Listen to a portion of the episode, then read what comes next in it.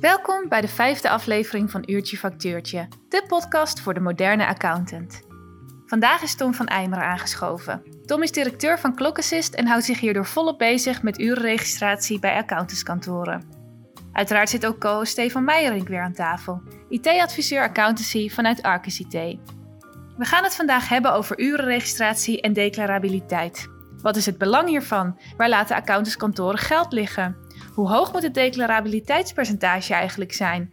En hoe zorg je ervoor dat alle uren voor klanten daadwerkelijk gefactureerd worden? Genoeg te bespreken. Let's go! Welkom bij Uurtje Factuurtje, de podcast voor de moderne accountant. Tom, welkom bij Uurtje Factuurtje. Leuk dat je er Dankjewel. bent. Ja. Jij bent sinds eh, anderhalf jaar ben jij eh, druk bezig met urenregistratie voor accountantskantoren. Waarom ben je daar ooit mee begonnen? Ehm, nou, ik kwam altijd best wel veel bij accountskantoren over de vloer. En daar merkte ik gewoon dat uurregistratie een dingetje was. Ehm, dus ik ben dat een beetje gaan onderzoeken bij hun. En toen kwam ik er eigenlijk achter dat het best wel een pijnpunt was voor accountancy. Eh, niet alleen omdat het gewoon vervelend is, maar ook dat het de kwaliteit van een matige uurregistratie gewoon een beetje een drama is. Ehm, dus toen ben ik eigenlijk in de avonturen ben gaan kijken van, kunnen we dat niet eh, optimaliseren? Kunnen we dat niet automatiseren? Wat komt er allemaal bij kijken om dat te automatiseren? En ehm, ja, zo is het eigenlijk gaan rollen vanaf dat punt. En wat bedoel je met de kwaliteit van de urenregistratie? Nou, als ik een, een accountant een kwartier zie werken en ik vraag aan hem van oké, vertel nou eens wat je precies hebt gedaan de afgelopen kwartier, dan wordt het al lastig. Ehm, maar als je dus over acht uur lang uren moet gaan registreren, dan zien we gewoon dat dat vaak, ja, dat, dat de kwaliteit daar niet geweldig van is. Eh, we hebben ook onze software schaduw gedraaid en in sommige gevallen zagen we dat maar 50% van de klanten waaraan gewerkt was, eh, daadwerkelijk tijd op werd geschreven.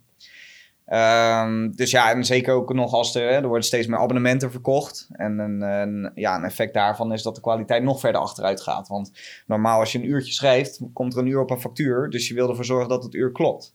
Ehm, maar op het moment dat je abonnementen verkoopt, ja, dan is het ter referentie. En dan eh, merkten we dat je, de, de wil om goed uren te schrijven, die neemt nog verder af. Hè, dus eh, dat, dat merkten we gewoon op. Dus... En wat is dan het nadeel ervan, dat die kwaliteit niet goed is? Ehm, nou ja, wanneer jij abonnementen verkoopt, wil je wel weten aan wie je geld verdient, ja of nee. En ehm, als, je- als je uurtje factuurtje hè, werkt, dan is het natuurlijk ook erg belangrijk om tijd in, eh, in kaart te brengen. Dus ehm, dat is hoe dan ook, of je nou abonnementen verkoopt of uurtje factuurtje, het is altijd belangrijk om een goede, eh, goede urenregistratie te hebben. Om, uiteindelijk wordt dat, hè, wordt dat geld. Dus eh, in beide gevallen is dat erg van belang. En uiteindelijk heb je dus een urenregistratie-tool ontwikkeld. Ja. Ehm, daar zijn nu een aantal bedrijven mee aan de slag. Ja. Eh, wat, wat is data waar je, eh, waar je inzicht in hebt gekregen? Of wat zijn belangrijke Ja. punten waar je al iets over kunt zeggen? Ja, dat, dat is, ja, het heeft ons heel erg verbaasd. Ook omdat we bij ons op kantoor aan zelf aan het testen zijn. Dus je ziet opeens waar op kantoor je tijd naartoe gaat. Kijk, wij zeggen eigenlijk van in plaats van dat een kantoor een uurtje administratie boekt, doen we dat allereerst automatisch. We doen dat veel vollediger. Er wordt geen tijd vergeten. Maar we laten ook nog zien hoe dat uur besteed is. Dus zat je van dat uur een half uur in je boekhoudpakket? Zat je een kwartier te bellen? Zat je tien minuten eh, e-mails te sturen naar de klant? Zat je vijf minuten scannen en kennen? Noem het maar op. We laten automatisch, zonder dat de gebruiker daar wat voor hoeft te doen, brengen we ook in kaart hoe tijd gespendeerd wordt. Ehm, en op die manier ja, kun je veel beter gaan kijken naar je organisatie. Van ja, hè, waar gaat tijd verloren? Ehm, tijd die niet declarabel is of tijd die binnen een abonnement valt, ja, dat wil je beperken. En de tijd waar je wel geld aan verdient, zoals advies, dan moet in kaart worden gebracht. Maar dat zien we juist nu ook eh, eh, te weinig gebeuren. Dus eh, bijvoorbeeld telefoongesprekken, als ik in de auto zit en een klant belt mij en we zitten een half uur te praten over of hij wel of niet een auto moet gaan leasen. Ehm, ja, dan zie je vaak dat als je op kantoor aankomt, dat dat die tijd niet geschreven wordt. Hè? Want je gaat gelijk weer in de waan van de dag, maar dat zijn adviesuren. En of je nou uurtje factuurtje werkt of abonnement eh, verkoopt, ja, dat is facturabele tijd die vaak buiten de abonnementen valt. Ehm, dus dat zien we heel veel terug bij onze kantoren. En een verhoogde declarabiliteit. Hè? Op het moment dat je heel de dag bezig bent geweest, hoe vaak hoor je dan wel niet dat ze, ja, ik ben acht uur aan het werk geweest, maar ik krijg maar zes uur geschreven op klanten.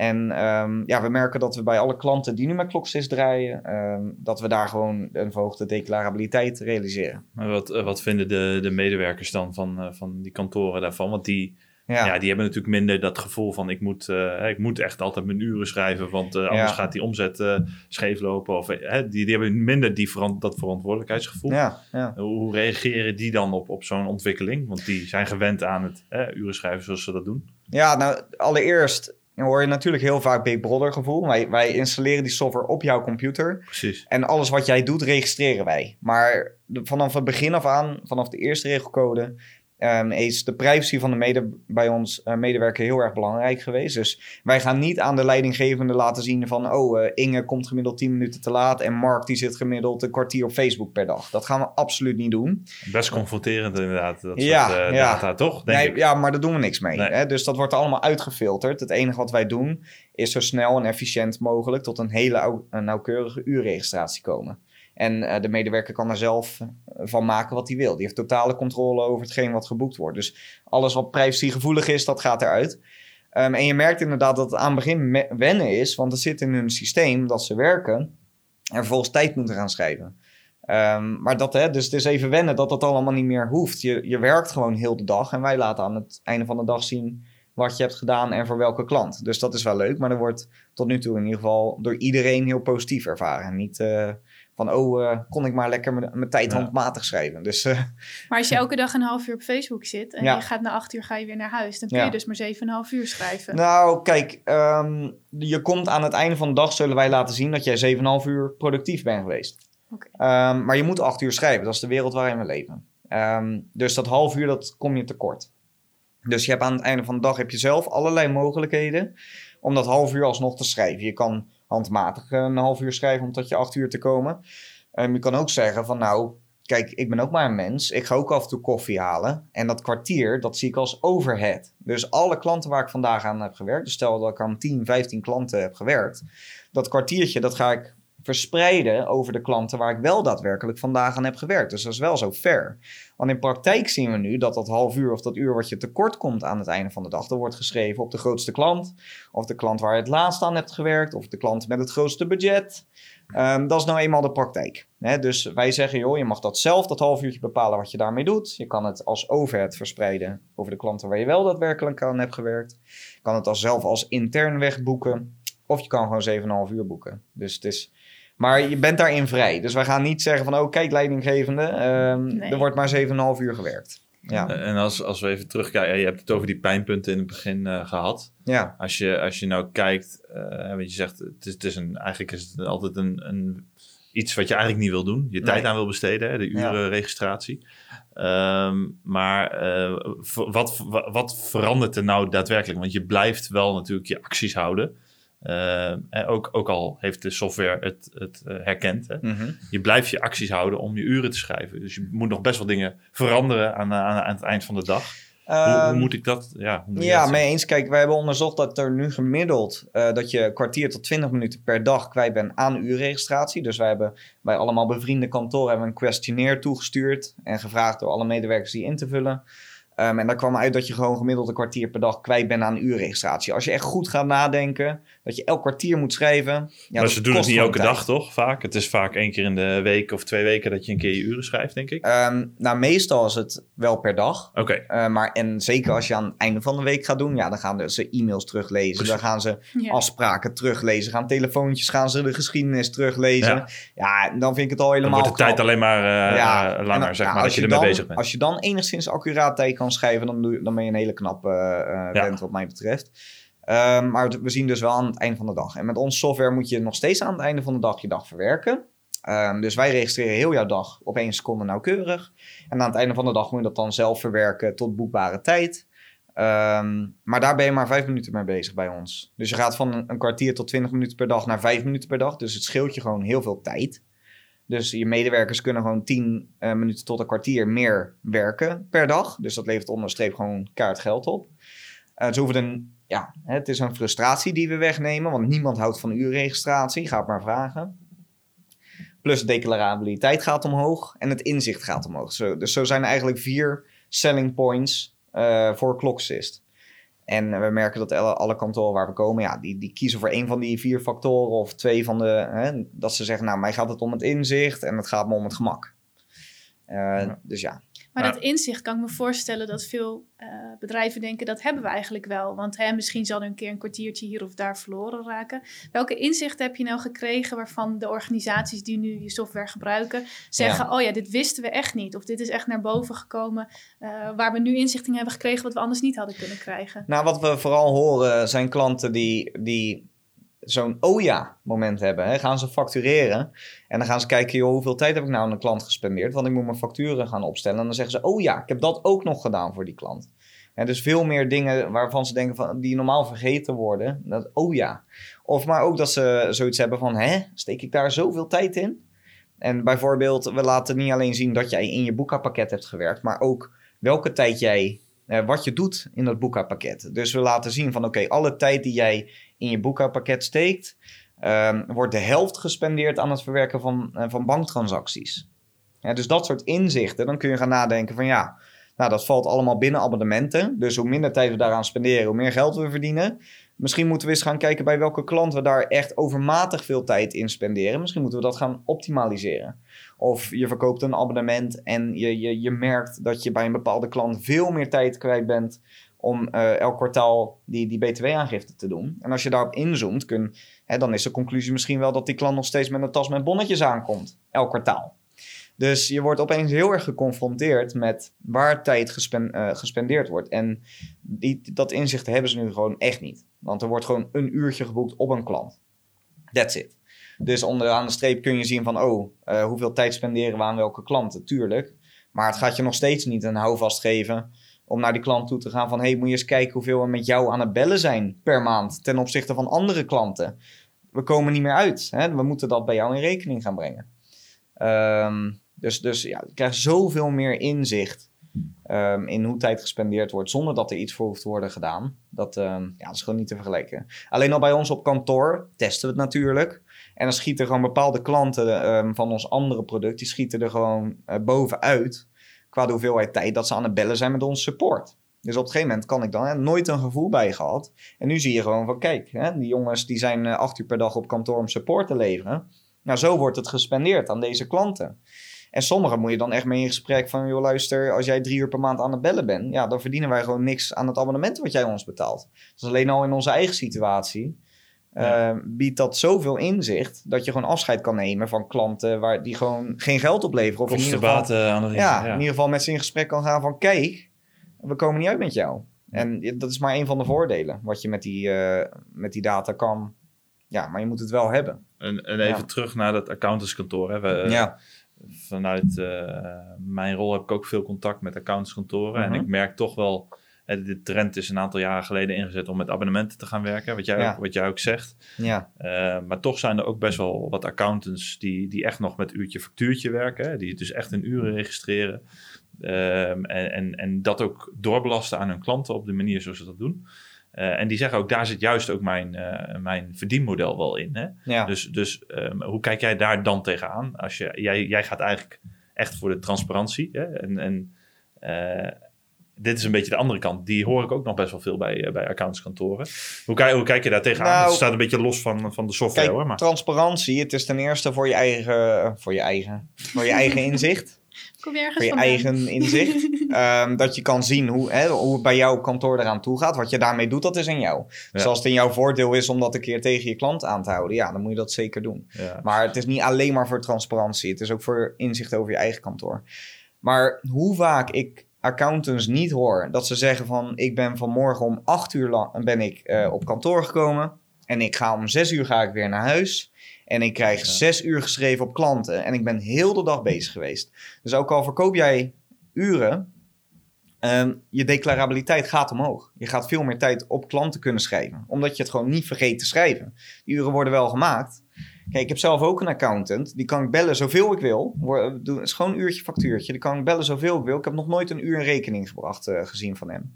En daar ben ik heel erg blij mee. Maar als hij die uren gewoon in rekening zou brengen als zijnde advies, ja, begrijp ik dat volledig. Maar die werkt een uurtje factuurtje, maar die vergeet zoveel te schrijven. En als je kijkt over een organisatie waar meerdere mensen werken, ja, dan wordt gewoon zoveel vergeten te schrijven of op de verkeerde klanten geschreven. Ehm, Kun je daar al iets over zeggen met de data die je de het afgelopen anderhalf jaar hebt verzameld? ja. Over hoe, ik snap dat het lastig is, dat Ja. het voor elk bedrijf weer verschilt. Maar Ja. kun je iets zeggen over de stijging in declarabiliteit? 5% gemiddeld. Dus we hebben uitschieters van 10%. eh, maar gemiddeld zitten we op 5%. Ehm ja, dat is gigantisch. Als je bij een kantoor kijkt en je kan... Want gemiddeld, op basis van een onderzoek over iets van 500 kantoren... kwam een eh, declarabiliteit van 75% naar boven. Dat nu gemiddeld is op een accountskantoor. Ja, als je dat van 75 kan verhogen naar 80... dat gaat om zo ongelooflijk veel geld. Als, als zouden wij al 1% verhoging creëren. En net dat belletje...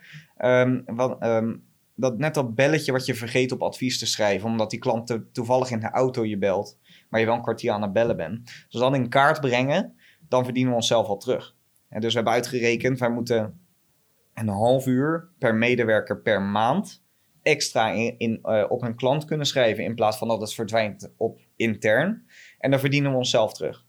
Nou, dat is gewoon, ja, dat, dat halen we dik terug. Ja, een half uur is, klinkt vrij makkelijk. En het geeft Ja. natuurlijk ook inzicht als je bijvoorbeeld ziet dat een bepaalde medewerker over een bepaalde taak heel lang doet, altijd. Ja. Geeft het natuurlijk ook inzicht in hoe kan ik productiviteit verhogen door bijvoorbeeld trainingen of wat dan ook eh, aan te bieden. Absoluut. Kijk, eh, eh, je moet het niet gelijk als negatief ervaren. Waarom is die persoon wat langzamer in een bepaalde taak? We hebben ook grote kantoren gehad met meerdere locaties. En die zeggen, joh, ik wil per locatie zien hoeveel tijd kantoor A spendeert eh, over bijwerken van de bank en hoeveel kantoor B spendeert over bijwerken van de bank. En dan wil ik gewoon de snelste verwerker met de langzaamste verwerker in contact brengen. Van joh, ga nou eens uitleggen waarom jullie zo efficiënt werken.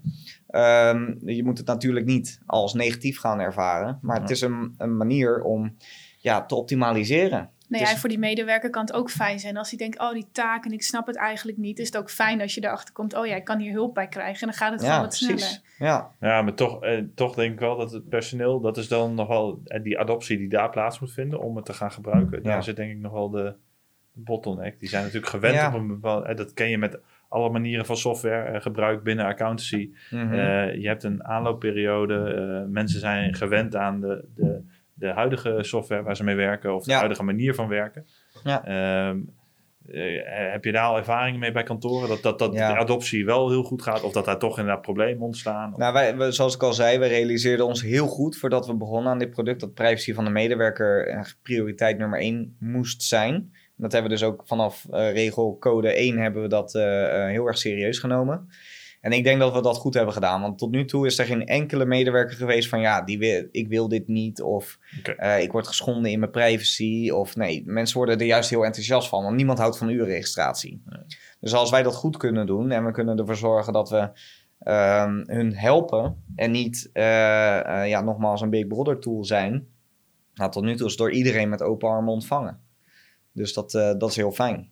Maar Ja. buiten of zij het zelf vervelend vinden, zit je ook niet aan bepaalde privacy wet en regelgeving gebonden, die jou misschien verbiedt om dat te eh, installeren op de device van de medewerker. Nou, wij hebben dit uiteraard helemaal laten onderzoeken. Dus eh, we zijn in dienst zomaar aan begonnen en dat is allemaal gedekt. En ehm, kijk je, nogmaals, wat heel erg belangrijk is, is dat die medewerker altijd in controle is. Dus hij kan ook aan het einde van de dag alles weggooien wat wij hebben geregistreerd, daar vervolgens helemaal handmatig tijd gaan schrijven en dat boeken. Is geen enkel probleem. Ehm, echt totdat jij zelf je hele dag eh, gecorrigeerd hebt, aangevuld, weggestreept, toegevoegd hebt naar wens. Alleen dat, wat jij dan vervolgens indient, eh, alleen dat wordt zichtbaar voor jouw leidinggevende. Dus wij zeggen van, je hebt alle vrijheid om te boeken wat je wil. Wij vullen het alleen in voor jou. En alles wat jij ehm, niet boekt, zal voor helemaal niemand zichtbaar worden. En dat wordt daarna ook verwijderd. Dus als jij op, eh, ik zeg maar wat, een half uur op Facebook hebt gezeten... ehm, en aan het einde van de dag kom je een half uur tekort... en je streept Facebook weg en je voegt zelf een half, eh, half uur toe... Ehm, en dat dien je in, dan is dat de werkelijkheid geworden. En alles wat wij verder over jouw dag weten, dat verwijderen wij van onze servers. Dus er staat niks in backups. We kunnen nooit achteraf een rapportage trekken over ja, hoeveel tijd er Ja. gespendeerd wordt op eh, andere zaken. Dus daar is echt over nagedacht. Dat is echt getackled. En dat is ook nu bij de huidige klanten waarmee we in gesprek zijn, is dat ook echt absoluut geen issue. Nee. Nee. En, en, eh, en als, je, als je gaat kijken, je, hebt- je, hebt- je hebt deze pijnpunten ontdekt eigenlijk bij accountskantoren. Ja. Zijn er nou nog andere pijnpunten waarvan jij hebt gezegd, hè, waar je nog niks mee hebt gedaan, maar waarvan jij zegt dat zijn wel echt dingen waar nog wel een keer over nagedacht moet worden. Of- ja, Want ja. dat is denk ik wel, ja, het is een lastige vraag, denk ik. Maar het is Nou, wel, ja, Ik, ik, heb, ik zit altijd met ideeën. Ja. Dus eh, ik zie een issue en dan als automatiseerder wil je alleen maar... Ben je eigenlijk lui, hè? Van als je een automatiseerder bent, ben je lui. Van, dus je wil dingen automatiseren. Je ziet iets wat te lang kost of het is te vervelend en dan wil je dat automatiseren. En zo zijn er nog zat andere dingen, ja. Die ik heel erg zie binnen kantoren. Niet gerelateerd aan Clock-Assist. Maar ehm, ja, er is nog zat, eh, zat te doen. Ja, zeker. heb je één concreet voorbeeld waarvan je zegt, Ah, dat is iets waar, waar ik eigenlijk ook nog wel een keer iets mee zou willen doen. Dat, ik Ehm, begrijp dat je dat nu nog niet gaat doen of niet, niet gaat doen, maar Nou, ik- Als je het ja. idee hebt vastgelegd al, hè, voordat idee. Nou, het, is niet, het is niet vastgelegd hoor, maar ik merk vooral eh, sowieso samenwerking tussen kantoor en klant. Is Ja. nog echt veel te doen. Ehm, je zit, dat is één. Eh, twee is, je werkt met een productiestraat. Je hebt heel veel verschillende softwarepakketten. Ehm, kijk, dat allemaal samenvoegen tot één product gaat absoluut niet lukken. Maar er zal wel een brug geslagen kunnen worden. Ja. Ehm, ik merk heel veel in bestandsmanagement. Ik kom bij zoveel kantoren waar gewoon nog een gedeelde Dropbox-map staat. Met 16 mappen in elkaar. ja, ja, En eh, gedeelde servers en ellende. ja. En of, of, he- of als alternatief hele zware DMS-systemen. Die weer gewoon over de top zijn. Waar je mensen, consultants nodig hebt om het te installeren. Daar Ja. zit ruimte tussen. Ehm, ja, zo zijn er nog zoveel Ja. verschillende Ja, ik dingen. denk wel eh, goede voorbeelden inderdaad, die, eh, die, die je wel in de markt hoort inderdaad. Maar, Nou, misschien Ja. leuk om daar volgende keer eens eh, over Ja. door te praten. Ja, We zijn namelijk Ja. aan het einde gekomen van eh, deze aflevering Vliegt, van Uurtje hè? Factuurtje. Ja, het Ja. gaat altijd als je plezier hebt, zeggen ze dan. ja, hè? ja. Dankjewel in ieder geval voor je komst. En Ja, dan heel erg misschien bedankt. tot de volgende keer. ja, heel erg bedankt dat ik langs mocht komen. Dankjewel. Graag gedaan. Dit was de vijfde aflevering van Uurtje Factuurtje. Voor de volgende aflevering schrijft Arthur Jager van Silverfin aan om met ons te praten over real-time data en dashboarding. Tot dan!